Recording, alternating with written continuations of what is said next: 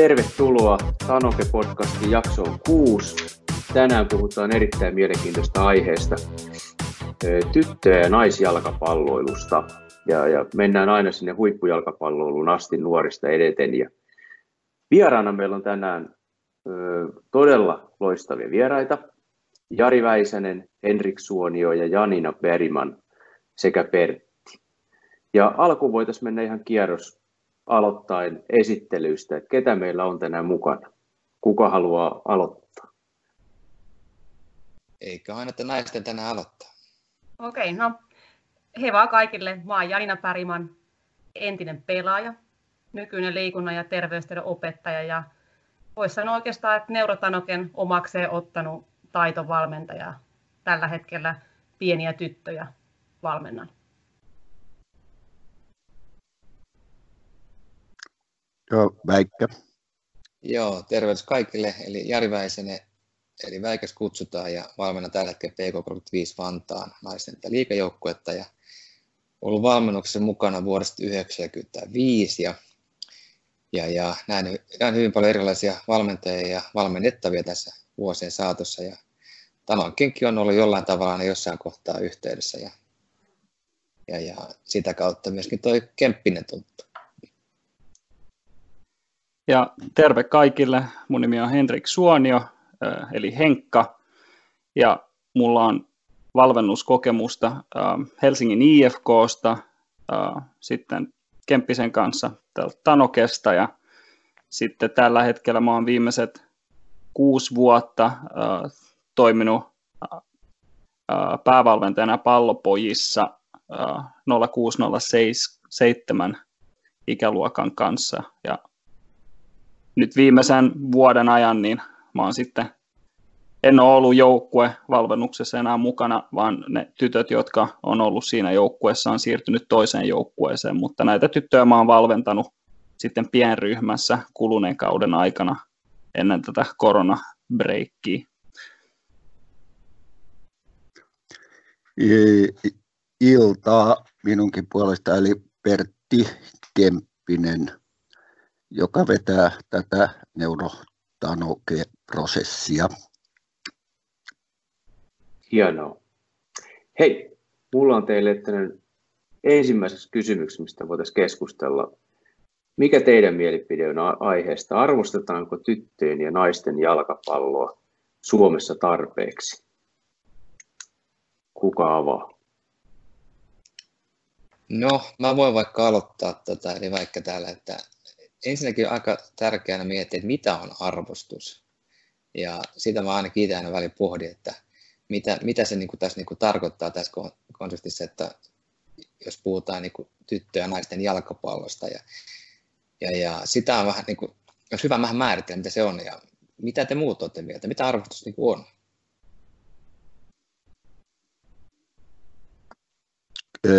Niin arvostusta voidaan lähteä niin kuin subjektiiviselta kannalta, että miten kukin arvostaa itseensä, tai sitten jos ajatellaan kollektiiviselta kannalta, niin kuin joukkueen kannalta, miten joukkue arvostaa itseensä. Sitten jos tullaan niin kuin yhteiskunnalliselle tasolle, eli tullaan makrotasolle, niin sitten tietysti me tullaan, että miten se niin kuin siinä yhteiskunnallisena toimintana arvostus tulee, tulee tuota, silloin me voidaan ää, tu, katsoa sitä, että miten se on niin kuin lajin keskellä arvosteltu, siis, e, jolloin me voidaan verrata, tehdä jonkunlainen ero naisten ja miesten jalkapalloiluun tai tyttöjen ja poikien jalkapallot, onko siinä eroja tuota arvostuksessa, tai sitten se voi olla määrä rahoissa, se voi olla palkkauksissa, se voi olla, se on hyvin, hyvin tota, monenlaista asiaa. Nythän korona aikana on hyvä esimerkki esimerkiksi tämä terveydenhoidon arvostus, joka on siis hyvä esimerkki siitä, että tiettynä aikoina arvostus voi olla hyvinkin kova. Eli ajatellaan esimerkiksi, että naiset voittaisi Suomessa, Suomen maajoukkue Helmarit voittaisi Euroopan mestaruuden, niin varmaan se arvostus olisi valtavan hyvä. Tai sama se on varmaan, kun vaikka on voittanut Suomen mestaruuden PK kanssa, niin siinä hetkellä ja siinä lähipiirissä se arvostus on todennäköisesti huomattavasti korkeampaa kuin putoavalla joukkueella. No todennäköisesti näin. Tämä oli hyvä, että se on havaittu, koska arvostus voi miettiä niin suuresta monesta eri suunnasta, mutta tota, jotenkin tässä ainakin se itse, miten näkyy just tältä että voittaa jotain, niin silloin yleensä tuntuu, että on arvostettu. On lehtiä, TV-näkyvyyttä, jopa urheiluus näkyy naisjalkapalloiluja. Niin jotenkin se, jos mä sitä kautta puhua arvostelua, mitä mä itse näen, niin ehkä se on näkyvyys on monesti se. Ja kun näkyvyys tuo paljon muutakin mukana, niin kyllä me ollaan vielä kuitenkin mun mielestä ei lähes, läheskään siinä, missä tyttö- ja naisjalkapallo pitäisi olla Suomessa mun mielestä. Kuitenkin aika tasa-arvoinen maa ollaan. Niin, mä lähestyisin ainakin itse sitä arvostusta, tai just tässä kun lähdettiin jo vähän sille tielle, että vähän ehkä tässä vertaillaan helposti ehkä sitä, arv- tai sitä arvostusta, vertaillaan tota tyttöjen ja poikien välillä, tai sitten naisten ja miesten välillä, niin mä ehkä itse on enemmän sitä mieltä, että se arvostus tulisi aina ansaita ja Kyllä. pitäisi miettiä aina se, että voiko sitä arvostusta odottaa ennen kuin, ennen kuin ne, jotka sen tyttö- tai naisjalkapallon puolella toimivat, niin arvostaa itse niin kuin riittävästi sitä, sitä toimintaa, missä ne on mukana. Et on, on ne sitten valmentajia, pelaajia, toimihenkilöitä tai vanhempia.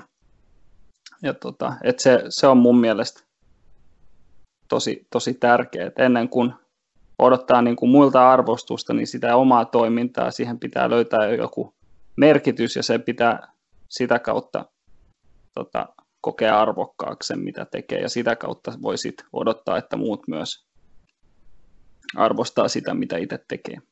No mä, te, mä ehkä luulen, että me kuitenkin arvostetaan itse aika paljon, mitä me tehdään. Tai ainakin itse arvostan tosi paljon niitä ihmisiä, jotka mun ympärillä pyörii ja pelaajat arvostaa itseänsä, mutta kyllä se vaan niin totuus on se, että vaikka, vaikka tämä piiri, tämä, tämä, tämä, tämä on kuitenkin niin pieni tämä piiri, ketkä niin kuin, niin kuin tätä, tätä tyttö- ja naisjakapalloa kuitenkin pyörittää täällä. Ja mä uskon, että siellä on varmasti sisällä hyvää arvostusta, mutta, mutta se, että miten me saadaan se niin ulospäin näkymään vielä vähän paremmin, että kuinka paljon oikeasti nämä meidän tytöt ja naiset harjoittelee. Ne, on, ne harjoittelee todella isoja määriä ja jopa se on jo arvostettavaa.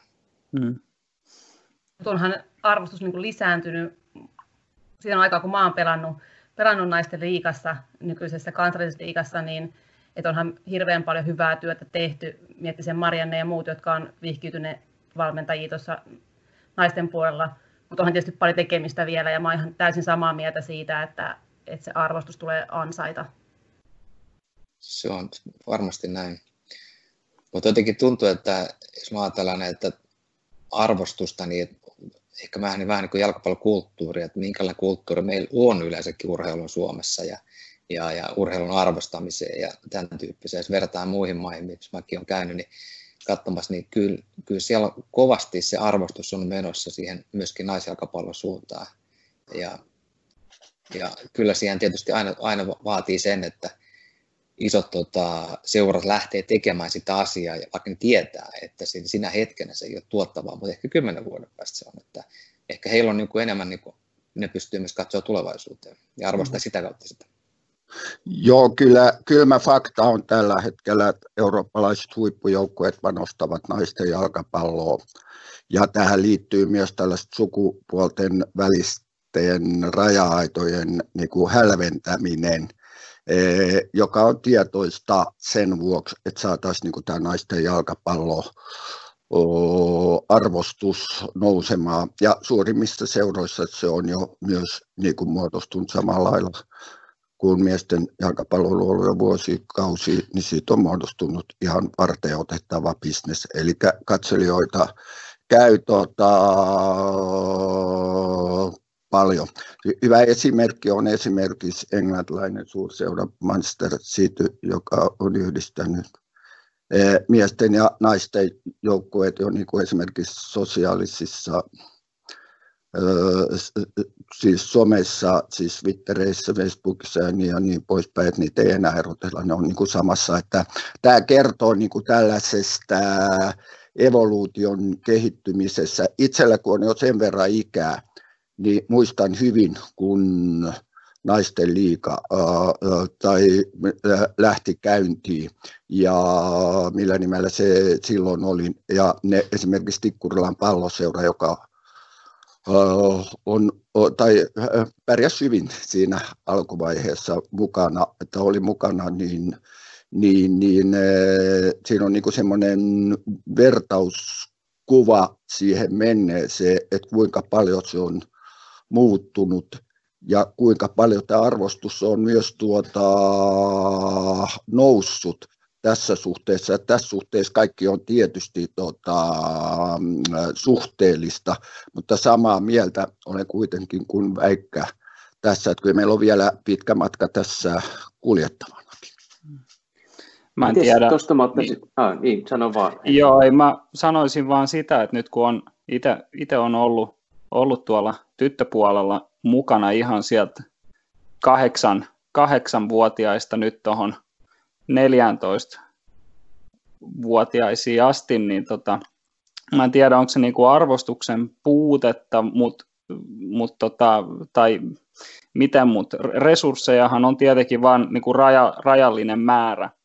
Ja, ja tota, valitettavasti nyt nois, näissä niinku seuroissa, niin, niin tota, nämä laadukkaimmat valmennusresurssithan menee, menee sinne, sinne poikapuolelle ja tyttöpuolella on sitten ne valmentajat, jotka sitten siellä sattuu olemaan. Et, et tota, en mä tiedä, onko toi arvostuksen puutteesta kiinni, mutta sitä ei ainakaan, niin kuin, jos miettii niin kuin valmentajia ja valmentajien valintoja, mihin ne menee valventamaan, jos ne valmentaa junnupuolella, niin, niin mieluummin mennään kyllä melkein niin kuin vaikka kolmosvalmentajaksi kerää tötsiä, kun, kun niin kuin onkin poikien kilpajoukkueeseen, kun että otettaisiin vastuuvalmentajan rooli jostain, jostain tota, motivoituneiden tyttöjen joukkueesta. Et, et se on valitettavaa, mutta mut, mut ne, ne realiteetit ainakin tällä hetkellä on. Et, et, tota, et semmoinen näkemys sieltä, sieltä ru, niin kuin, tavallaan ihan sieltä alkupäästä kuitenkin, että et, et. Tämä on kiinnostava aihe. Mulla oli se seuraava kysymys, kun kerkesit oikeastaan sanoa. Mitä muut kokee?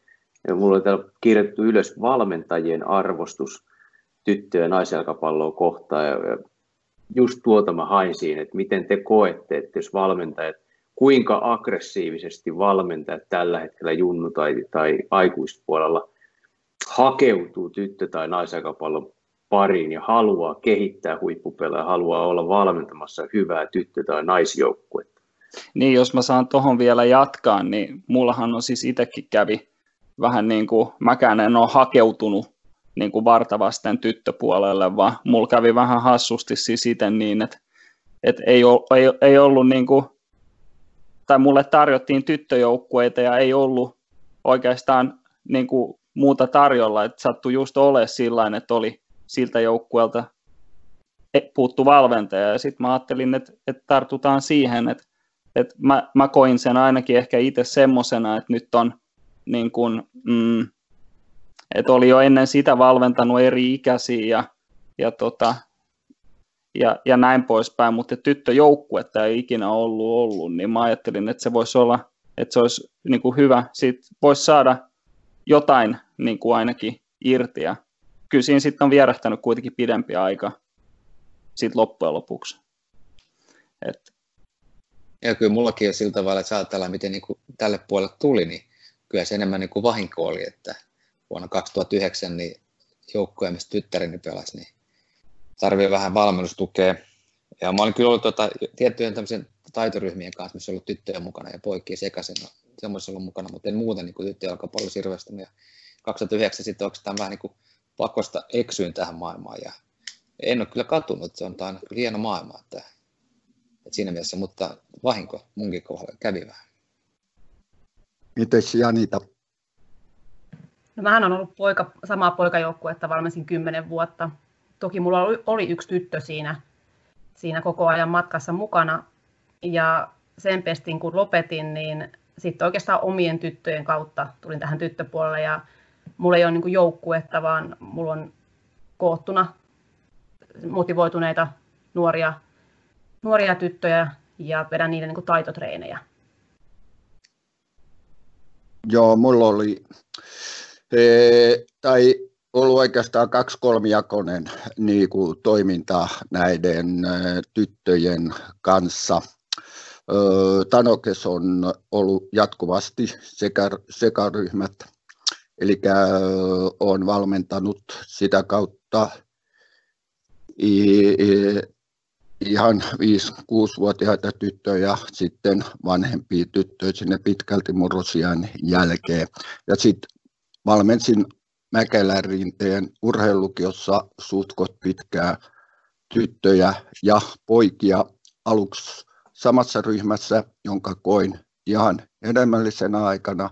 Ja sitten molempia valmensin myös omina ryhminä. Mutta itse näen kuitenkin niin kuin puhuisin mieluummin, äh, en, äh, en puhuisi ensisijaisesti tyttöjen valmentamisesta enkä poikien valmentamisesta, vaan ainakin tässä iässä ajattelen jo, että äh, puhun hyvästä valmennuksesta ja silloin niin kuin hyvä valmentaminen on niin kuin ihmisten valmentamista, puhutaan sitten yksilötasolla tai joukkueessa tai tytöstä tai poissa tässä suhteessa – Eli silloin tullaan siihen, niin kuin, että tavallaan onnistuneen valmennuksen tehtävä silloin auttaa tätä valmennettavaa tunnistamaan itsensä urheilijana ja tällaisena kehittyvänä, kehittyvänä ihmisenä mm,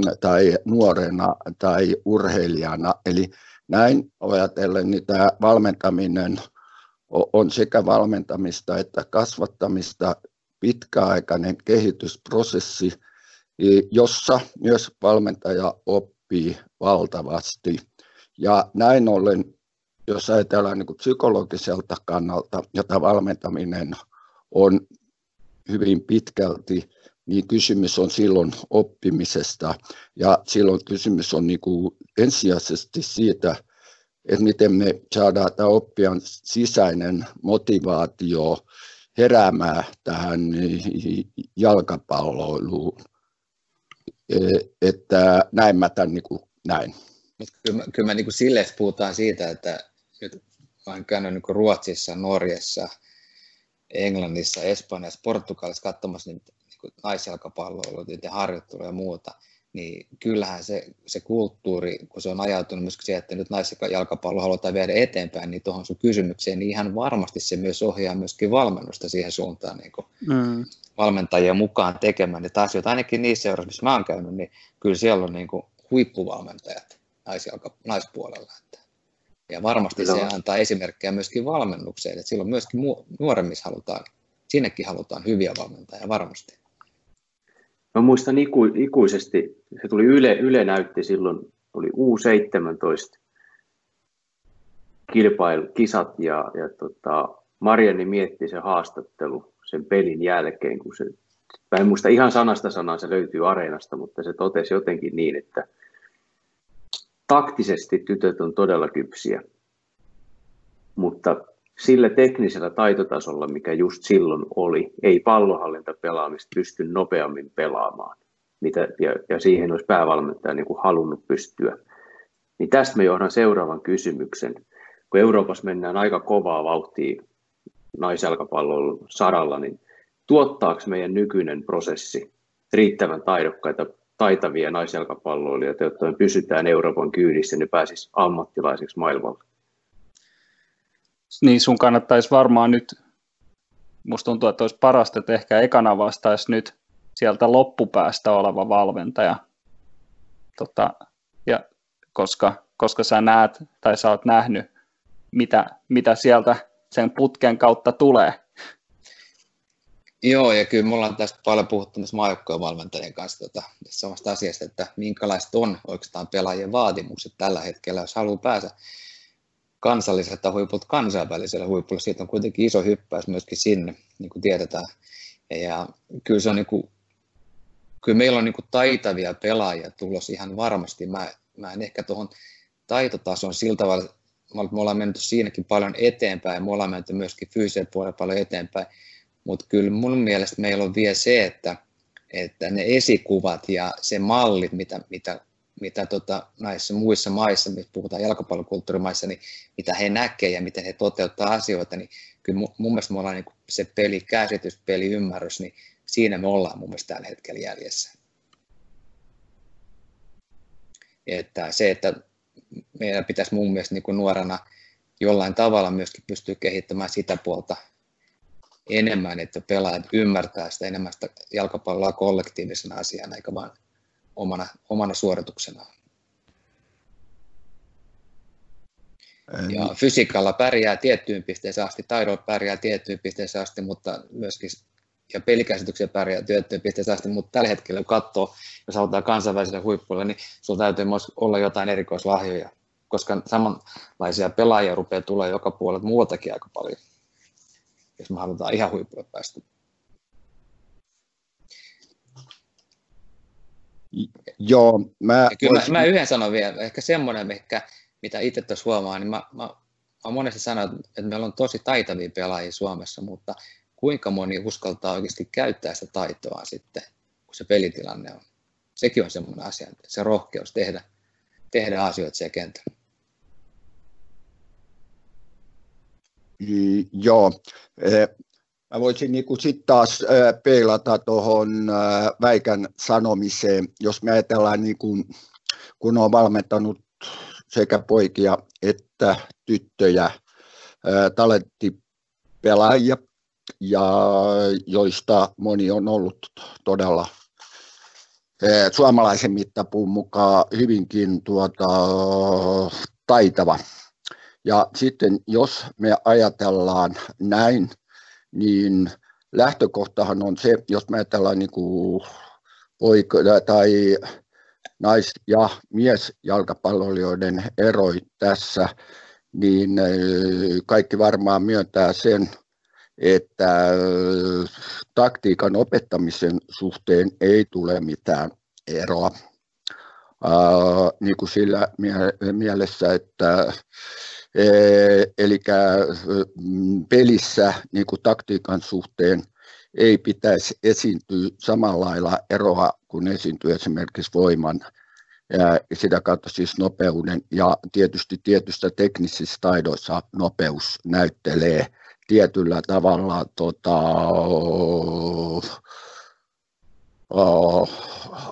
hyvinkin tuota, keskeistä eroa, eroa ja samoin henkisissä asioissa niin ei varmaan ole eroa, tai jos on, niin voi olla jopa, jos yleisesti niin kuin tutkimuksissa katsotaan emotionaalisia puolia sosiaalisissa puolissa, niin tytöt tai naiset niin kuin pärjää tässä suhteessa tota, miehiä, miehiä tota, parempi.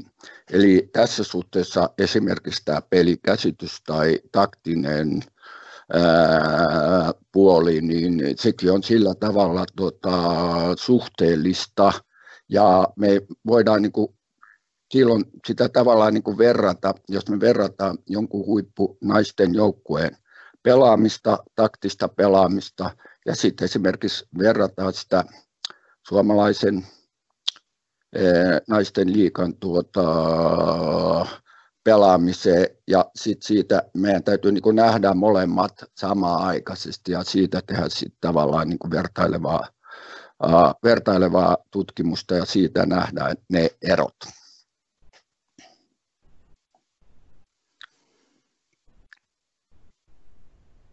Joo, ei mulla tästä tän enempää. Okei. Oliko Janinalla? Miten sä näet? Niin, mä, mä olen ehkä itse sitä mieltä, että, että tota, niin, tyttöjen sitä vaatimustasoa pitäisi jollakin tasolla kuitenkin nostaa. Että mä puhun nyt kuitenkin nuoremmista, että en niin kuin liikapelaajista, vaan pienimmistä tytöistä. Että, et tota, ihan esimerkkinä niin kuin mä oon ihmetellyt tosi paljon niin kuin sellaistakin asiaa, että vaikka tiedän, että nämä taitokisat ei ole niin Pertin juttuja, tämä on paljon keskustelua herättänyt nämä ylipäätänsä nämä kilpailut Suomessa, mutta että minkä takia siellä pitää olla alle murrosikäisillä tytöillä ja pojilla niin kuin erilaiset tasorajat, että, että mikä, miksei tytöt voi, miksei voi vaatia samaa kuin pojilta, että minkä takia ajatellaan, että, että poikien pitäisi pomputtaa nopeammin joku juttu kuin tyttöjen, että, että mun mielestä niin pienestä pitäen pitäisi vaatia tytöiltä ihan samaa kuin pojilta, että ne on pelaajia molemmat, että ei niissä ole, niin kuin, mä en näkisi eroavaisuutta tuossa lapsuusvaiheessa. Mutta oli minusta hyvä pointti, mä ehkä kantaa nyt tuohon taitokilpailuasiaan, mutta jos ottaa, niin mä tein UEFA Pro tota lopputyönä tämmöisen, mä siis tu, selvitin niin kuin suomalaisia tyttöjoukkoja ja ulkomaalaisia tyttöjoukkoja, vertaisin niitä, niiden tekemisiä ja muuta, niin tota, semmoinen, mikä teille tuli kyllä paljon esiin, on se, että kuinka paljon ne myöskin harjoittelee poikien kanssa pienenä. Eli ne on sekaisin oikeasti ja tiettyyn ikään asti tai tiettyyn fyysisen rajaan asti. Esimerkiksi Hollannin tota, huippujoukkueessa lähes kaikki, en ota nyt sano, sano tätä seuran nimeä, mutta lähes kaikki ne, ketä on siellä, ovat harjoitelleet poikien kanssa. Ja silloin myöskin se vaatimus, että myöskin niin kuin automaattisesti varmaan näillä pelaajilla on niin kuin saavutettu. Mutta sitten sä oot ihan oikeassa, että totta kannattaa miettiä tuota asiaa. Että... Mi- mihin asti tyttöjen ja, ja poikien valmentaminen voitaisiin sanoa, että, on, että siinä ei ole eroa, vai, vai tuleeko sitä eroa ylipäätänsä missään vaiheessa, kun tytöt kasvaa? Ja kyllähän sitten ero tulee fyysyydessä jossain kohtaa myöskin riskit kasvaa siinä kohtaa, että jos sitä halutaan tehdä siinä myöskin liian kauan, ja, ja se, siinä on niin kuin se samanlainen tason löytäminen, niin se ei ole aina helppoa. Mutta esimerkiksi tuolla tietyissä maissa, niin, niin, niin siellä on niin kuin esimerkiksi 12 vuotta siihen asti harjoitellaan yhdessä ja jälkeen ei enää harjoitella yhdessä, että se on ihan kielletty. On semmoisiakin maita. Sitten on taas toisia maita, missä jotkut yksilöt varmasti jaksaa jatkaa pitempään, niin kuin Suomessakin on hyviä esimerkkejä, jotka on hyvin kauan ollut poikien kanssa tekemisissä niin kuin jalkapallon kanssa pienen asti ja jatkanut vielä tuonne 3-14-vuotiaisiin, jopa 15-vuotiaisiin asti. Että, että, että, tota, kyllä mä esimerkiksi tuossa vähän tutkin omaa joukkuettakin, niin, niin puolet meidän pelaajista on pelannut jossain vaiheessa poikajoukkueessa. Se on paljon. No aika paljon. Mä, ite, mä en tiennyt sitä, mä niin kuin vähän selvittää sitä. Ja on se ainakin niin kuin pikkuseuroissa, missä välttämättä ei ole määrällisesti niin paljon tyttöpelaajia, niin se, että jos sä haluat kehittyä ja mennä eteenpäin, niin onhan se melkein väistämätöntä, että sun pitää harjoitella poikien kanssa, jos ei sulla ole sellaista ympäristöä siinä ympärillä. Että, ja mä samaa mieltä, että johonkin melkein voisi 13-vuotiaaksi asti treenata ihan hyvin 12-13-vuotiaaksi asti, mutta sitten tietenkin tulee noin noi fyysiset erot, erot vastaan ja, ja silloin, silloin on ehkä sitten hyvä hakeutua tyttöön niihin omiin, omiin tyttöjoukkueisiin. Niin, onkohan, niin sitä, sitä, mä, sitä mä jäin itse miettimään, että, että, tota, että nämä tytöt, jotka on pelannut poikien kanssa, niin mitäs jos, jos olisi ollut riittävän laadukas meininki siellä omassa vaikka siellä tyttöjoukkueessa, niin olisiko ollut, niin kuin, olisiko siinä, että olisiko siinä ollut mitään tarvet missään vaiheessa pelata niiden poikien kanssa. Et se, et tota, et ainakin kun mä katson, niin kuin, tai nyt oma kokemus, mikä on, on niin kuin tuolta tyttöpuolelta sieltä alhaalta asti, jos mietitään sitä, että miten näitä tytöistä saisi parempia pelaajia, kun ne, kun ne tulee vanhemmiksi, niin kyllä mä, ja sitten vähän viitaten just siihen, että mitä kannattaisi kannattaisi ehkä sitten tehdä enemmän, enemmän tai vähemmän, niin kyllä ainakin ne, ne, niinku, ne niinku isot haasteet, nyt voi olla, että tämä heittää vähän nyt tästä aikaisemmasta keskustelusta, mutta on tässä aika paljon samaa, samaa myös kuitenkin, niin kun mä itse mietin sitä silloin, kun mä aloitin mun, mun joukkueen kanssa, niin, niin tota, kyllä se olisi helpottanut aika paljon se, että olisi heti niin kuin kerrottu, että minkälaista niin kuin toimintaa tar- ta- niin kuin siinä on, niin kuin tarjotaan ja sit kans, että sitä kautta yrittää niin kuin sitouttaa nämä perheet ja nämä lapset voimakkaammin siihen jalkapalloon mukaan. Et, et tota, et se on aika vaikea alkaa vaatia siellä treeneissä niin kuin asioita niiltä pelaajilta, jos, jos, tota, jos, jos siellä on niin kuin kaiken maailman niin kuin muita harrastuksia, niin kuin, jotka tulee edellä, se jalkapallon edellä. Et, ja, ja, tota, ja no, että se on se ensimmäinen vaihe tavallaan, minkä mä koen niin kuin ehkä tällä hetkellä kuitenkin ongelma, on, ehkä ongelmalliseksi semmoisessa keskivertoseurassa. Mutta mut, mut sitten on, sit on kuitenkin niin kuin, sit valvennuksellisesta ja semmoisesta sisällöllisestä näkökulmasta katsottuna sit, niin, niin tytöthän tulee murrosikää jonkin verran aikaisemmin kuin pojat. Ja sitten hän voi ajatella myös, että, että kun aikaa on, aikaa on vähän, niin niillä on jopa entistä vähemmän aikaa kuin pojilla kehittää näitä eri taito-osatekijöitä, jotka, jotka tota, joita ei välttämättä sit ihan, tai joita on vaikeampi harjoituttaa sitten, kun tämä kasvupyrähdys tulee.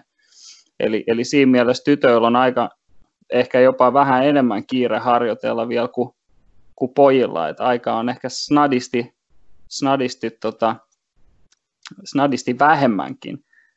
Et, tota, et, et, et, et, et sen mä, sen mä niin koen, koen ainakin et ei ole, ei ole niin kuin mitään syytä, minkä takia tytöt ei voisi olla yhtä, yhtä hyviä kuin pojat, pojat ollenkaan ennen sitä 12 ikävuotta ainakaan mun, mun niin kuin näkemyksien mukaan. Mistä se johtuu, että ne, me, meillä esimerkiksi ei harjoittella yhdessä ennen sitä niin kuin laajemmin? Kyllä mä näkisin niin, että nyt me tullaan näihin yhteiskunnan järjestelmiin, rakenteisiin, hierarkioihin, tietynlaisiin auktoriteetteihin ja jopa työetiikkaan. Kyllä mua ainakin hämää se, tietysti mulla on sosiaalipuolen koulutus, joka on niin kuin tämmöinen emansipatorinen koulutus sillä tavalla, jossa nyt puututaan koulutuksen kautta yhteiskunnan rakennelmien muutoksiin, siis esimerkiksi tähän tasa-arvokysymyksiin ynnä muuta. Uh, muuhun niin kun tässä, tässä tota, suhteessa, että kyllä mä, musta tuntuu vähän ihmeelliseltä, että kun huomioon oman ikäni, niin mä olisin kuitenkin valmis öö, tiettyyn ikävaiheeseen asti, että pojat ja tytöt pelaisivat samassa joukkueissa. Enkä mä näe mitään syytä, hyvin pitkälle niin kuin lastenvalmennusta tutkineena, kehittäneenä ja myös kokemuksen omaavana valmentajana. Mä en näe niin kuin mit, oikeastaan yhtään järkevää syytä, en pysty niin kuin, tai perusteltua syytä en näkisi, miksi ei voitaisi tehdä näin. Ja taas valtava pelastusrengas myös näille pienemmille eh, paikkakunnille. Ja lisäksi tämä niin kuin poistaisi näitä nykyisiä raja-aitoja tota, paljon. Sitten, miten ne sitten siitä erotetaan ynnä muuta, niin se on sitten oman mietinnän paikka, mutta se on, se on kuitenkin tuota, siihen pystytään. Eli tavallaan tämä elämysmaailma, pojat oppisivat tytöiltä paljon esimerkiksi mulla, kun on hyvin lähellä tämmöinen esteettinen jalkapallo, niin siinä ja merkityksissä ja myös tämmöinen auktoriteettipelko, se saisi tota, toisenlaisen merkityksen. Ja sitten, sitten mun mielestä tässä on niin paljon oleellisempaa se, jos tällaisista, tällaisia mentäisiin tällaisiin sekajoukkueisiin, niin kuin tällä hetkellä myös tyttöjen tai poikien valmennuksessa, niin ensisijaiset tekijät mun mielestä on se, että pyritään tällaiseen urheilijakeskisyyteen. Eli lähdettäisiin kouluttamaan lapsista entistä enemmän niin kuin urheilullisia, siis samaa tyyliä, eh, mitä eh, ennen koulumaailmassa toimittiin, kun liikunnan määrä oli huomattavasti suurempaa. Ja sitten kiinnittäisi enemmän niin kuin siihen sitouttamiseen, mistä Henkka, tuohon, Henkka tuosta puhui, eli tämmöinen osallistaminen. Ja sitten uskon, että vuorovaikutuskin muuttuisi toisenlaiseksi, jos olisi tytöt ja pojat sekaisin tässä alkuvaiheessa. Ja Joo, eikä se välttämättä tarvitse mikään niin tämmöinen, että se on must-juttu olla, vaan kun tämä, tämä voi sopia johonkin kohtaan, johonkin kohtaan se ei välttämättä sovi ja kaikille on myöskin varmasti tyttöjä, ketkä ei välttämättä halua poikien kanssa harjoitella, mutta varmaan ollaan siinä, kun me ei koskaan niin tehty, niin se on myöskin, niin kuin, mihin varmaan Kemppinen vähän viittasi, niin tämä on ehkä kuitenkin tämä meidän tapa tehdä asioita, niin aina muutos ei ole helppo. Olisiko, olisiko toi yksi väylä, kun kysymys oli, että miten, miten saataisiin parempia tyttöpelaajia kautta parempia naispelaajia, niin, niin näettekö, että toi olisi yksi selvä konkreettinen asia, mitä muualla Euroopassa on jo lähdetty tekemään, joka veisi meidän naisjalkapalloa eteenpäin? Kyllä mä uskon, että pieni maa ja näin laaja, äh, siis laajalla pinta-alalla oleva maa, niin kyllä me oltaisiin tässä voittajia, voittajia tota, koska meillä on hyvinkin pieniä paikkakuntia, missä pelataan jalkapalloa, mutta ja uskon myös, että täällä niin sanotun ruuhka-alueella voitaisiin toimia näin. Ja onhan tuossa nyt hyviä näyttöjä niistä naispelaajista, jotka on pelannut pienenä poikajoukkueessa, niin onhan ne hyvin pärjännyt ja monesti erottuu just edukseen siinä, että ovat saaneet sitä kovuutta, kovuutta ja muuta, muuta etuja sitten siellä poikien kanssa harjoitelleena. Joo, ja Tanokessa meillä oli, meillä oli hyvinkin laadukkaita taitavia tyttöjä, tyttöjä mukana, niin ei meillä niin kuin, sitä tarpeeksi kauan ajatellut, niin ei kukaan niin kuin, enää ollut niin kuin sellaista näkökulmaa, että tässä nyt hävittiin tytölle tai niin, vaan se oli, se, se oli usein päinvastoin. Se oli niin luonnollinen osa, että ne otettiin yhä yhtä vakavasti siinä tilanteessa, kun pojat siis kaksinkamppailutilanteessa, ei tiedä kumpi sieltä ää, lähti, keräs kamppeita niin ja niin poispäin. Ja tätä kun jatkuu vuosi vuodelta, eli tässä suhteessa ne, ne otettiin niin kuin siinä pelikaverina siinä ryhmässä olevana uh, hyvin luonnollisella tota, tavalla, jos nyt muistelen tätä asiaa. Ne esiintyi samoilla videoilla ja niin ja niin poispäin. Eli sitten homma toimi näin.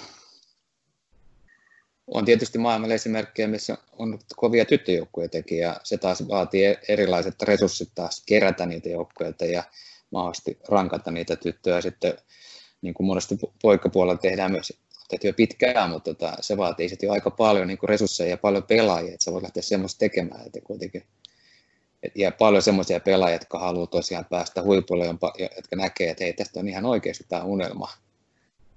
Unelma olla jalkapalloilija ja päästä joskus jopa tästä ammattiin. Ja pojilla on paljon unelmia, ainakin jotenkin tuntuu, että tähän liittyen enemmän kuin tytöillä.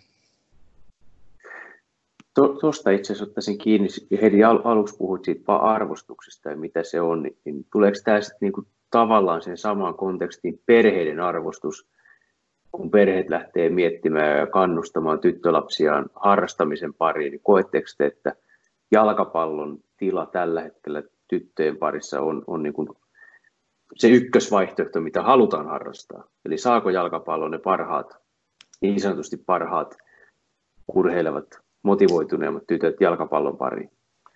Mä voisin kertoa, mun muistu mieleeni mehevä äh, tämmöinen muisto tässä suhteessa, että äh, Mulla on nimittäin ollut tässä Tanokessa sellaisia isi ja äiti, äh, jotka on vähintään yhtä intohimoisesti harrastanut suhtautuen tyttön, tyttönsä jalkapallon kehittämiseen kuin kenen tahansa tässä Tanokessa ollen pojakan pojan. Ja erään helsinkiläisen seuran, joka pelasi siihen aikaan P-junojen SMssä, siis äh, SM-sarjassa heillä oli kesällä harjoitukset äh, kesä-heinäkuun vaihteessa ja tämä isä vei sen tyttönsä sinne harjoituksiin sitten ja sitten siellä oli neljä, viisi tyttöä. Ja isä marssi heti valmentajan luokse ja joukkueenjohtajan luokse että, ja kysyi, että mm, äh, missä nämä muut tytöt niin kuin sanottiin, että ei tässä nyt niin, kun tämä on kuitenkin sunnuntai-ilta, ne tulee mökeltä ja niin ja niin poispäin. Niin tämä isä ja äiti niin kuin melkein yhtä, yhtä ääneen sanoi, että mihin aikaan teidän seuratoimisto aukeaa, niin että me tullaan hakemaan paperit. Ja ne todella lähti siitä, siitä tota, seurasta. Sanon niin kuin ihan tämän sen vuoksi, että me huomata, huomataan, että tota, ne erotkin on tässä suhteessa tota, hyvin tota, yksilöllisiä, mutta ehkä näin jos isossa kuvassa äh, puhutaan, niin kyllä mä näen, että poikapuolella on enemmän niin kuin suhteellisesti näitä fanaattisia valmentajia. Ja sitten varmasti, jos mä ajattelen näitä jalkapalloilijoita, ketä tuolla liikas pelaa tai ketä tuolla Euroopassa pelaa, keitä tunnen, tunne joko Mäkelärinteen kautta opin tuntemaan tai sitten tämän Tanoken kautta tai muuten, niin kyllä heillä on yleensä tällaiset hyvin fanaattiset, eli peräti tulisieluset tota, vanhemmat taustalla, joka on, tämän sano ihan sen vuoksi, että niiden vanhempien merkitys tota, on erittäin ää, suuri tässä kasvuprosessissa.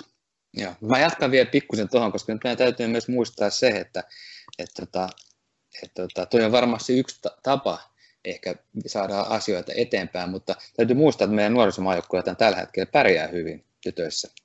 Siis ihan loistavia tuloksia saaneet aika ja muuta. Ja, mutta sitten tota, nyt me jotenkin tuntuu, että meille liian aikaisin saadaan liian paljon.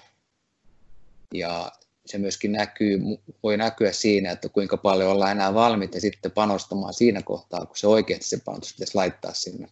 Eli kun ollaan siirtymässä nuor- nuoreksi aikuiseksi ja sitä kautta niin kuin ehkä yrittämään kansainvälisille kentille, niin koska siinä kohtaa oikeasti me, sellainen tunne mulla on ainakin, että meidän lukioaika on kovaa harjoittelua, se on, me noustaan nopeasti yläasteet, lukioon tehdään paljon, paljon duunia, harjoitusmäärät nousee ehkä välillä liiankin koviksi, sitten tota, niin, sitten aika monesti tiparjataan tyhjän päälle sen jälkeen.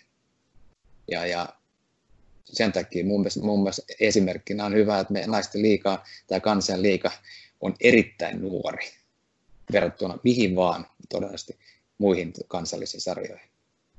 Eli me tehdään kyllä hyvää työtä, mutta täytyy muistaa, että me voitaisiin totta kai tehdä parempaakin työtä, mutta mun mielestä mitä tapahtuu sen jälkeen, kun pitäisi oikeasti niin kuin hypätä sille seuraavalle portaalle. Ja siinä me tullaan siihen, että nykyisin se arvostus on tuolla niin kova monessa tota, jalkapallokulttuurimaassa, että jo naisetkin näkee sen mahdollisuutena niin kuin tehdä työ, työ tästä itsellensä. Sitä meillä ei kyllä valitettavasti Suomessa vielä ole. Öö, joo, eli me, me, me voidaan ihan tässä rehdisti puhua silloin työelämää lähtöisestä jalkapallosta. Eli silloin me aletaan puhua niin kuin siitä naisten jalkapallon ammattilaistumisessa. Niin, mä puhun, mä puhun niistä unelmista nyt, mitä joo. voi olla pikkutytöilläkin, voisi olla samalta kuin pikkupojillaan. Niin. Joo, joo, joo. E, kyllä, kyllä, kyllä. Ja tietysti jos se polku on niin, että usko tässä, että en, en tiedä, vaikka varmaan paremmin tietää, jos verrataan esimerkiksi Ruotsiin, jossa naisten jalkapallon, jalkapallootteluita käy hyvinkin paljon katsomassa porukkaa, niin, niin, niin mikä se ero on tässä sitten? No, jos nyt vertaa Ruotsiin, niin siellä on kuitenkin urheilun arvostus ymmärtääkseni ihan eri luokkaa kuin Suomessa. Suomessa me kyllä arvostetaan voittajia, mutta jos mä puhun urheiluarvostamisesta, mutta, mutta myöskin se, että siellä arvostetaan myös naisjalkapalloa ja naisurheilua varmaan eri tavalla kuin Suomessa ja yleensä joukko, naisten joukkourheiluja. Ja Saksa on varmaan pitkään sama, mutta nyt, nyt monet muut maat, maat tulee kovaa vauhtia. Mites etsitään lisää keinoja nyt, nyt kun Väykkä näkee niin kuin kansallisen liikan tasolta, minkälaisia pelaajia siellä on, minkälaisia on tulossa, ja toisaalta Janinalla on peliura takana ja, ja, ja Henkalla niitä nuorempia ollut, niin mitä tuossa nuoruusvaiheessa, puhutaan lapsi, ihan lapsi nuoruusvaiheesta nyt niin kuin muuta tyttöpuolella voitaisiin tehdä niin kuin merkittävästi toisin tai jo paremmin, että ne valmist, me valmistettaisiin niitä tyttöpelaajia entistä paremmin ja niillä olisi mahdollisuus kasvaa entistä paremmaksi pelaajaksi sitten siinä huippuvaiheessa? Kyllä mä heittäisin kuitenkin semmoisen ajatuksen ilmoille, että aika paljon tuolla kentillä aikaa viettäneenä, niin silloin kun ei ole nyt joukkueen treenejä, niin onko meillä niin paljon tyttöpelaajia omatoimisesti treenailemassa kentällä, varsinkaan näitä pieniä, pieniä, että kyllähän se, totta kai niitäkin löytyy, mutta niitä voisi olla paljon enemmän. Ja sitten mä itse olen koulumaailmassa töissä, niin tota, sama juttu siellä välituntisin, kun miettii, että millaiset määrät pojat saa koulussa välkillä jalkapallon pelaamista, niin aika paljon halutessaan, mutta että itse on yläkoulussa, niin en mä näe yhtään tyttöä, jos näen ihan muutaman, muutaman hassun siellä sitten treenailemassa välituntisin, että, että semmoisen niin omatoimisuuden lisääminen, omatoimisen treenin lisääminen, niin sitä mä kannustaisin tyttöpuolella enemmän.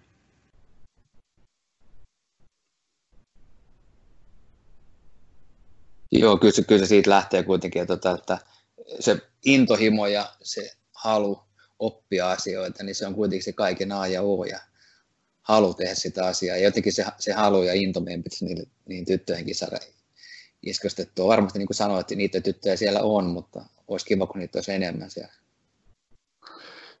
Tässä on hyvä, jos tätä historiaa sukeltaa niin kuin taaksepäin ja muistelen tässä mennettä, mennyttä aikaa, niin esimerkiksi tuossa Korson palloseurassa oli 06 olisi se ikäryhmä. Tyttöjä, e, niin joo kyllä, kyllä tuota, niin, he pärjäsivät hyvinkin. Tai pärjäsivät erittäin hyvin. hyvin tuota, ja siinä jos mä ajattelen, niin, niin kuin pyrin analysoimaan niin kuin osi, että mistä se johtui. Että siinä nyt useampi tyttö kuitenkin pelaa edelleen liikassa ja erittäin hyvin tyttö on kyllä lopettanut ja joku on muuttanut USA ja pelaa siellä ja niin ja niin poispäin. Mutta jos mä erittelen tätä, niin kyllä tässä oli erittäin ratkaiseva tekijä myös joukkueen johtaja. Se joukkueen johtaja perhe, joka niin kuin olisi leirejä, ulkomaanmatkoja, yhteisiä tällaisia tapaamisia, tapaamisia, siis tällaista ilosta yhdessä tekemistä.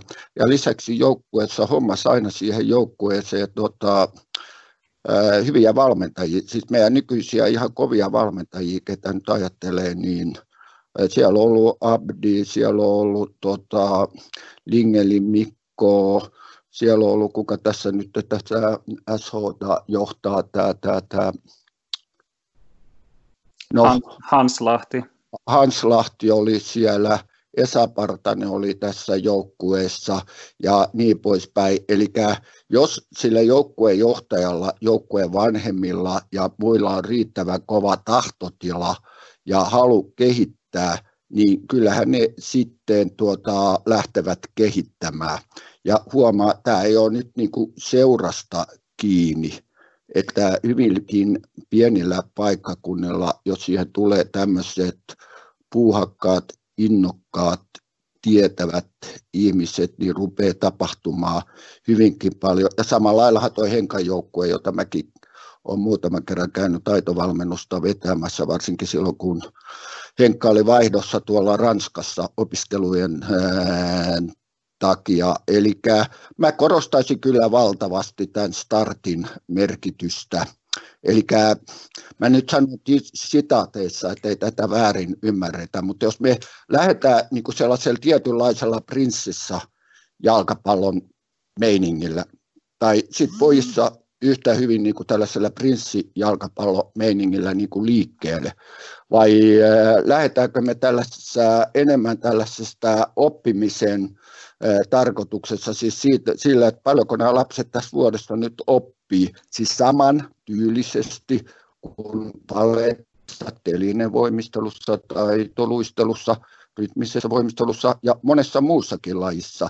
Eli tässä tulee niin kuin tavallaan tämän kolikon kaksi puolta. Toisaalta meidän täytyy saada ja on järkevääkin saada mahdollisimman suuret joukot mukaan, mutta sitten taas haasteeksi tulee se, että millä me saadaan haastavaa ja kehittävää toimintaa tota, alusta alkaen. Ja olen seurannut myös tätä Janitan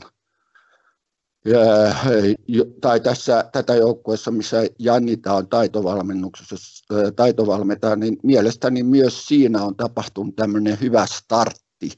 Ja jos tämä startti niin kuin möhlitään, siis tämä ensimmäiset vuodet, niin sitten on haastavaa, koska se lapsi luo sen kuvan, se perhe luo sen kuvan, ne luo sen kontekstin, ne luo sen arvomaailman. Ja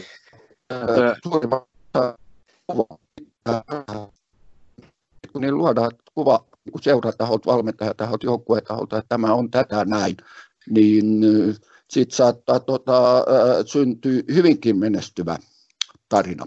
Joo, mutta tuossa mä olen ihan samaa mieltä, mä en tunne ihan tarkkaan, miten nykyisin tuota tuolla tyttöpuolella tehdään, mä uskon, että sieltä on menty ihan hirveästi eteenpäin, mutta mulla on kyllä tosi paljon esimerkkejä siitä, että siellä, siellä nyt on sattunut olemaan just hyvä joukkojohtaja, sattumoisin siellä on hyvä, hyvä valmentajakin ollut, ja ne on tehnyt ihan huimia tuloksia nämä joukkueet näiden vuosien saatossa. Mutta mut se, mikä minusta on musta aika tärkeä, niin mielestä sosiaalinen elämä on monesti näissä joukkueissa hyvin erilaista kuin monessa muussa joukkueessa. Ja siellä on myöskin panostettu siihen, koska minusta niin tytössä ja pojissa on kuitenkin eroa tässä kohtaa, että, että se sosiaalinen elämäkin on jotenkin tuntuu tytöille tuossa kohtaa siellä jalkapallon parissa tärkeämpää vielä kuin pojille. Se, se pitää huomioida myöskin. Eli tästä, voisiko tässä sanoa, että nyt jos jonkun tyttöpelaajan vanhempi vaikka sattuu kuuntelemaan tätä, niin ja tyttö, tyttöpelaaja on kotona, niin sen sijaan, että sinne, no voi siellä olla se Ronaldo ja Messin kuvakin, mutta ottaa sitten vaikka Juventus City tai jostain muusta suosikkijoukkueesta naispelaajan juliste sinne. Eikö se, eikö se intohimo ja unelma ole sitä?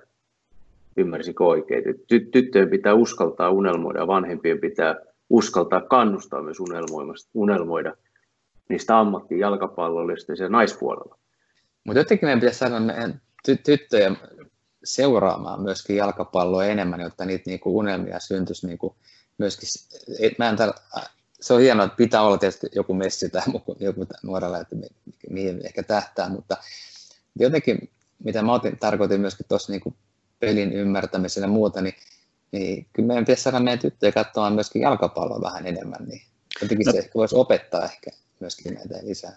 No tässä me tullaan, tullaan just siihen, mihin mä silloin, no siitä on jo aikaa, mutta mihin mä yhdessä puheenvuorossa viittasin ja Kemppinen otti vähän tässä esiin, sen äskeisessä puheenvuorossa, että se startti on ensisijaisen tärkeä just, että, että jos tota, koska keskiverto kuitenkin ne rakenteet on, on, ei ole niin hirveän hyvässä kunnossa niin kuin suurimmassa osassa seuroja, missä on, missä on niin kuin tyttö, tyttöjoukkueita. Se ei ole niin vahva ja se ei ole, se ei ole niin kuin lähellekään sitä, mitä se on näillä poika, tai useissa poika, tai poikapuolella useissa seuroissa, niin, niin tuossa on, on se haaste, että jos se startti ei, ei, ei ole hyvä ja me ei saada niitä, näitä, tota, näitä perheitä ja lapsia, jos me ei saada niitä harjoituksia, niin ei me silloin saada niitä seuraamaan, seuraamaan sitä jalkapalloa sieltä telkkarista myöskään.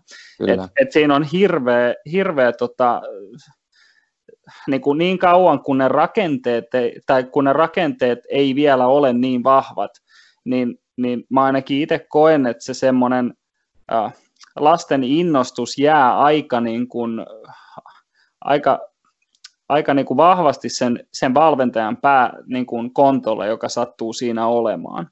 Et, et, tota, et, et, et, et se on aika, et sen, sen takia, että se on ehkä just se, että miten sä saat sitoutettua niitä pelaajia, pelaajia siihen, miten sä saat sitä merkitystä luo, lu, luotua niille pelaajille ja sit sitä kautta sä saat niitä pelaajia sit niinku kiintyä siihen lajiin ja seuraamaan sitä, sitä, tota, sitä tai siitä on suurempi mahdollisuus, että sä saat niitä pelaajia seuraamaan myös niinku sitä lajia. Niin, Joo, tuot, koska ainakin olla... ennen se oli jotenkin aina, aina miettiä, että on, että on vähän arpa peliä, että kuka pääsi sattumoisen minkäkinlaiseen joukkueeseen, niin, niin monesti niistä joukkueista tuli vaan älyttömän hyviä, että jos jos me saatais, nyt mä en tiedä, niin kuin sanoin, niin kuin nykytilanteen tyttö, ja tyttöpuolella. Että, ja on ymmärtänyt, että kyllä ammattivalmentaja sielläkin rupeaa nyt olemaan enemmän enemmän, mutta tota, ennen ainakin oli vähän harva peliä. Ja tämä Joo, ja, on niin tärkeä. Jos mä mietin esimerkiksi, niin kuin itse nyt tulee tämmöinen ihan niin kuin subjektiivinen tämmöinen oman kokemuksen tämmöinen nä- näkemys, mikä on ollut, mutta ainakin näissä ikäluokissa, mitä mä nyt mietin, kyllä se, kyllä se trendi tällä hetkellä, joku ehkä tästä saattaa jopa niin kuin vähän suuttuukin, mutta, mutta esimerkiksi siinä ikäluokassa, missä mä oon toiminut, niin siinä pitää kyllä sanoa, että siellä on vanhempia, jotka on niin kuin ollut, niillä on oma tyttö siellä mukana ja ne on tehnyt tosi hyvää työtä sen joukkueen kanssa. Mutta mut, sitten sit sitä tyttöpuolta on valitettavasti käytetty vähän niin kuin semmoisen ponnahduslautana, että sä pääset mahdollisimman nopeasti johonkin poikajoukkueeseen tai johonkin, niin kuin po, johonkin poikajoukkueeseen sen jälkeen. Että tyttöpuoli, että mun pointti tässä on nyt siis se, että, että vanhempikin voi tyttöpuolella oikeasti, se voi olla jopa paljon parempi vaihtoehto välillä, että sulla on niin kuin vanhempi siinä päävalmentajana tai siinä valvennustaffissa mukana, joka on, jolla on niin kuin aitoa kiinnostusta kehittää, kehittää sitä joukkuetta, mieluummin kuin että sä otat sinne jonkun semmoisen, joka tulee, niin kuin, tulee siinä niin kuin pyörähtää vuodeksi, että pääsee mahdollisimman nopeasti siitä niin kuin NS eteenpäin. Että semmoista valitettavasti semmoista niin kuin, niin kuin vielä tälläkin hetkellä ainakin niin kuin mun kokemuksien mukaan, niin ainakin semmoista on, mutta toivottavasti semmoista se on niin kuin vähenemään päin myös. Totta kai on niin kuin hyviä esimerkkejä myös, myös niin kuin sitten, että on, on seuraajia, jotka tuo niitä, on niitä oman seuran valmentajia vastuussa, mutta ei niitä niin paljon vielä tälläkään hetkellä ole kuitenkaan, tai niitä ei ainakaan näy siellä peleissä sitten. Että kyllä se sitten on joku vanhempi, joka niitä pelejä siellä on vetämässä, eikä, eikä tota, niin joka on valvennustaffissa kuitenkin mukana, mutta ei ne seuran puolelta aina sitten ole kuitenkaan sit, niin kuin noin. Lyhyesti sanottuna, jos tämä niin vertailu, tehdään vertailu näihin rikkaisiin jalkapallokulttuureihin, niin meillä tarvitaan voimakkaampaa sitoutumista tai täytyy löytyä voimakkaita tällaisia aatteellisia vanhempia joukkueenjohtajia, tulisielusia ja motivoituneita enemmän kuin näissä maissa, jossa tämä makrotason tämä jalkapallokulttuuri, voidaan puhua, jos seuraa tietynlainen kansalaisaate jopa tähän jalkapallon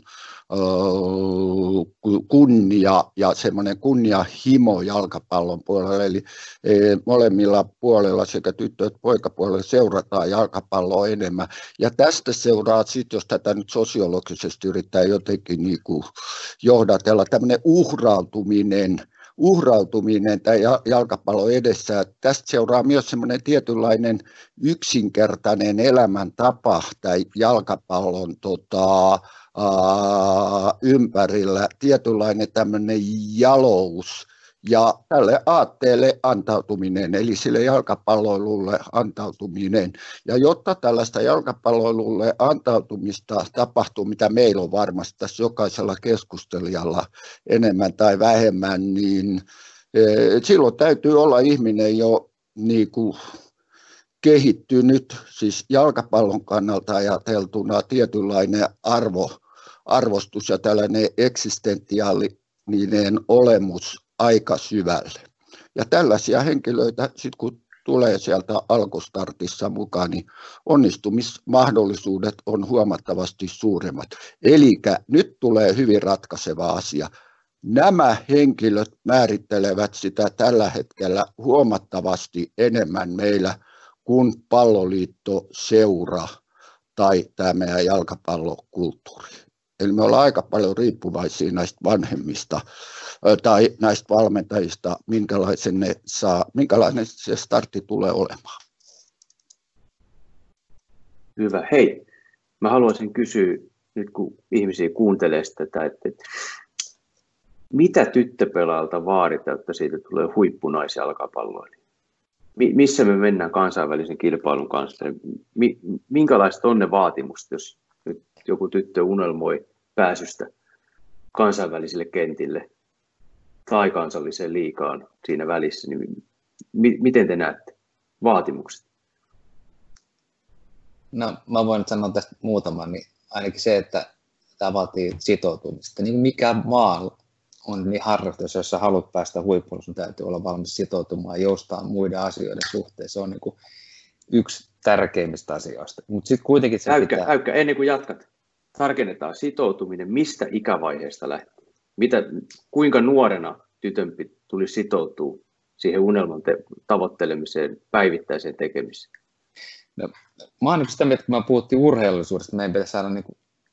ensimmäinen kuitenkin, jos me puhutaan vain fyysi- fyysisestä puolesta, niin urheilussa on kuitenkin se, että me pitää saada urheilullisia. Ja silloin se vaatii myös sitä, että sä myöskin haluat olla urheilija, sanotaan näin. Ja silloin se lähtee jo aika pienestä mun mielestä. Oli laji kuin laji. Ja silloin myöskin perheen pitää tukea sitä aika paljon, että mennään oikeaan suuntaan. Mutta sitten kun mennään vähän pidemmälle, niin sitten sit, sit se on aika paljon joutuu myöskin joustamaan monesta, mitä voisi peränteeltänä tehdä jossain muualla, niin täytyy ehkä jättää tekemättä. Ja se on niin sit se toinen ääripää tähän asiaan. Mutta mun mielestä se on kuitenkin, se on niin kuin, mitä vanhemmaksi mennään, sehän on vaan, ensin se on kovaa harjoittelua, sitten se muuttuu kovemmaksi harjoitteluksi, se muuttuu vielä kovemmaksi ja jossain kohtaa se on ehkä sun duuni, tai sä, sä pääst maajoukkoon ja sä pääst kansalliseen liikaa pelaa. Mutta tota, jotenkin semmoinen, niin meillä nyt maailma näkee niin paljon fyysisiä pelaajia, ne on vahvoja pelaajia tällä hetkellä maailmalla, ne ei ole ihan pikkutyttöjä, varmaan tuosta rupeaa olemaan tuommoista kahta viittä, kahta seitsemän huippupelaajat, ja jossain niin näkee, että ollaan niin niin tämä on pitkä polku, joka pitää olla valmis kulkemaan. Niin, korjatkaa, jos mä oon, jos mä oon väärässä. En ole yhtäkään tyttöpelaaja valventanut, jos olisi tullut huippujalkapalloilija, mutta tämmöinen, tämmöinen tota, ainakin miten mä itse niin sen mietin, mä oon valventanut myös semmoisia, jotka on ollut, jotka on ollut omissa, niillä on ollut toinen laji, ja ne on ollut niin kuin Suomessa siinä toisessa lajissa, ne on siis ollut yksilöurheilijoita, ja ne on ollut älyttömän, ne on ollut niin kuin tosi lahjakkaita siinä toisessa lajissa, ja ehkä niin kuin semmoinen niin kuin ajatus, mikä mulla itsellä on, on, on käynyt, ja mitä mä itse mietin, olisi se, että näitä pelaajia pitäisi pystyä opettaa entistä enemmän niin kuin olemaan niin kuin yksilöurheilijoita. Ja sillä yksilöurheilijoilla olemisella mä tarkoitan sitä, että pelaajat ymmärtäisi, miten ne pitää itsestään huolta ja, miten ne, ja, ja että ne ymmärtää tota, sen hyvin harjoittelun merkityksen siihen omaan kehittymiseen. Ja mitä aikaisemmin ne pelaajat ymmärtää sen, niin sen parempi. Koska tota, just esimerkiksi näistä yksilöurheilijoista huomasi siis sen, että ne, ne niin kuin, vaikka ne oli poissa niin kuin joukkueharjoituksista tai näin, niin niitä ei, ne, niin kuin, ne pystyi aina vetämään niin kuin keskittyneesti ja ne ymmärsi aina, että se oma, miten ne harjoittelee ja miten ne tekee, niin se vaikuttaa, vaikuttaa siihen, miten ne kehittyy. Mutta sitten taas joukkuelajissa sä ehkä pystyt vähän piiloutumaan välillä – niin kun, vaikka sillä ei pitäisi antaa saumaa, mutta sulla on välillä mahdollisuus kuitenkin piiloutua sinne sen muun joukkueen taakse jossain. Et, et tota, saatteko te tästä kiinni? Joo, saatiin. Sano sä Janita, tässä mä sanon sun jälkeen nämä ominaisuudet. Niin, niin mä ylipäätänsä mietin, että, että mitä vaaditaan, että tulee, tulee tota niin, huippu, huippupelaaja, niin kyllä mä sanoisin, että naisjalkapalloilijat vaaditaan ennen kaikkea niin todellista rakkautta siihen lajiin, että kun mietitään, että ne on kuitenkin ihan erilaiset tulot, mitä naisilla ja miehillä on sitten, kun ne ammatikseen pelaavat. Ja totta kai paljon sitä omaa toimista harjoittelua. Ja niin kuin tässä on nyt puhuttu, niin kyllähän siinä iso, iso painoarvo on sillä, että mitä ne, mitä ne ensimmäiset vuodet, kun se pieni tyttö sinne siinä jalkapallon pariin tulee, että, että saako se sitä laadukasta valmennusta, saako se sen kipinän siihen, siihen jalkapalloharjoitteluun, saako se valmentaja innostettua sen? Mä, mä, niin, jatka, sulla oli vielä. Joo, jatka vaan. E, niin, mä nyt menen ihan kylmästi huippujalkapalloiluun, koska olen valmentanut myös huippujalkapalloilijoita niin miehissä kuin naisissa. Ja silloin taito-ominaisuuksissa mä näen, että mahdollisimman absoluuttinen taitotaso Eli silloin me puhutaan, että kuinka taitava pelaaja, mitä taitavampi, niin sen parempi. Ja sitten tietysti on erittäin tärkeää lapsena, mitä mä katson, ja tämmöinen lahjakkuus, tekijä, ennustava, ennustava tekijä on taidon kehittämisnopeus. Eli nämä tytöt, jotka on niin kuin naisena pärjännyt hyvin, esimerkiksi Hierom, joka pelaa tällä hetkellä Milanissa, niin kyllähän lapsena kehittyi tuossa kun Tanokessa kävi, niin huomasin, niin kehittämisnope, kehittymisnopeus oli nopeata tässä suhteessa.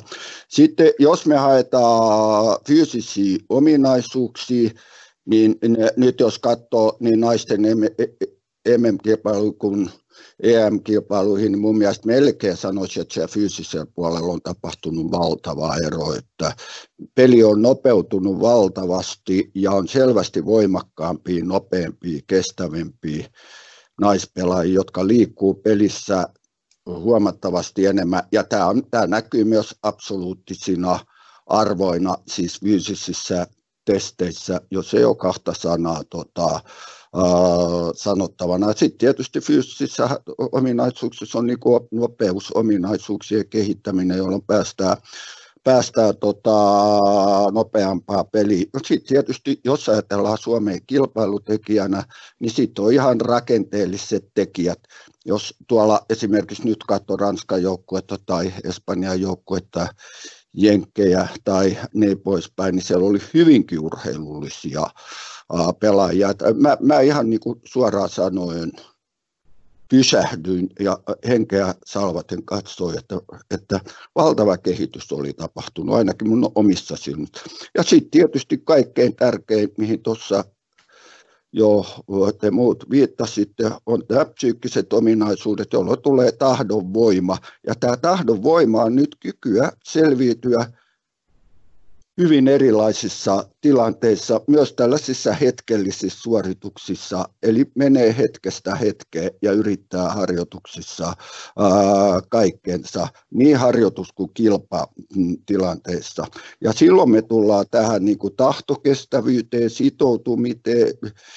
sitoutumiseen, ja silloin tästä seuraa se, että meillä on niin kuin kyky selviytyä monta vuotta kestävästä valmennuksesta – kohti päämäärää, lopullista päämäärää. Ja tästä seuraa, jos me ajatellaan niin kuin ihan tällaisen motivaatiopsykologian kannalta, niin sen vuoksi on tärkeää, että se päämäärä olisi tässä meidänkin jalkapallovalmennuksessa niin kuin te- tärkeä niin tyttö kuin poika pelaajilla. Et mä en itse koe niin kuin pahaksi sitä, että näillä vanhemmilla voi olla hyvinkin pienten lasten vanhemmissa, vanhemmilla tässä Tanokessa, ne puhuu, että mihin he tähtää poikansa kanssa.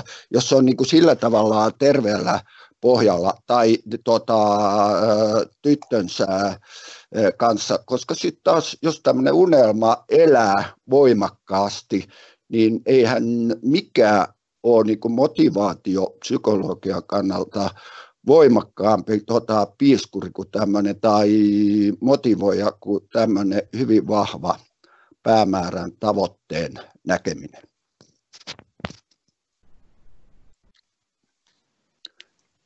Joo, ei mulla tässä. Mä ottaisin tähän vielä, joo, varmasti en lähtenyt kanssa niin listaamaan kaikkia asioita, mitä tarvitaan, mutta jotenkin semmoisia asioita, että meidän pelaajien täytyisi myöskin päästä käymään leireillä. En tarkoita, että pitää lähteä heti Ruotsiin vuodessa asumaan tai muuta, vaan esimerkiksi niin kuin, eipä olla enemmän yhteistyötä niin kuin nyt myöskin niin kuin tyttö- ja naispuolella myöskin ulkomaille ja rohkeasti pelaajia. Esimerkiksi viikonleirit, tämän tyyppiset, että myöskin näkisi vähän sitä toista maailmaa, vähän erilaisia, näkisi, minkälaisia vaatimuksia, minkälaisia pelaajia siellä oikein, mitä ne oikein arvostaa, kuinka nopeita ne oikeasti täällä on. Että ei tämä ole semmoista niin kuin, kun me ei, tyttö, me ei nähdä hirveästi niitä malleja, mutta just niin kuin EM-kisoissa siellä silmät aukesi. Mutta kun työtä tehdään siellä koko ajan, ja ne kisat on kuitenkin vain muutaman vuoden välein, niin meidän pelaajien pitäisi päästä näkemään sitä, sitä arkea myöskin silloin tällöin siellä, ja sitä kautta oppimaan uusia asioita, näkee minkälaisia uusia vaatimuksia he rupeaa tulemaan. Tulee esimerkiksi tähän, että jo meillä on vaikka nyt niin kuin nähtiin, meillä on älyttömän fyysisiä pelaajia tuolla maailmalla jo. Nyt tulee se peli nopeutuu, Niin sitten jos ajatellaan sitä, jos me katsotaan tiettyjä maita, ne osaa myöskin pelaajat vaihtaa paikkaa kesken pelin, eli rotaatiota tapahtuu, eli se vaatii ymmärtämistä tosi paljon jalkapallosta. Ja kaikki tapahtuu vain nopeammin ja nopeammin. Ikinä mä ei päästä varmaan miesten tasoon niin nopeus, eikä tarvikkaan päästä, koska se on fyysisesti vähän eri juttu. Mutta tota, niin, mut sekin varmasti avaisi silmiä, kun näkisi, kun väliin kävisi nämä meidän niin sanotut pelaajat, jotka on tulossa siihen, että kenestä mahdollisesti tulee huippuja, jotka haluaa panostaa, kenellä on se intohimo tähän lajiin, ja käydään väliin tsekkaamassa siellä rajan toisella puolella. Ja silloin meidän pitää myöskin tukea heitä. Ja mun mielestä hirmu tärkeä, me ei saada nostaa meidän pelaajia jalustalle liian nuorena, mutta meidän pitää tukea niitä, jotta niillä on mahdollisuus nousta joskus sen jalustalle. Tästä tuli aika hyvä, aika hyvä lista jokaisesta melkein. Näistä voisi tehdä melkein oman, oman pitemmän, pitemmän jaksonsa. E, aika, aika on tullut hei täyteen tunti 10 minuuttia.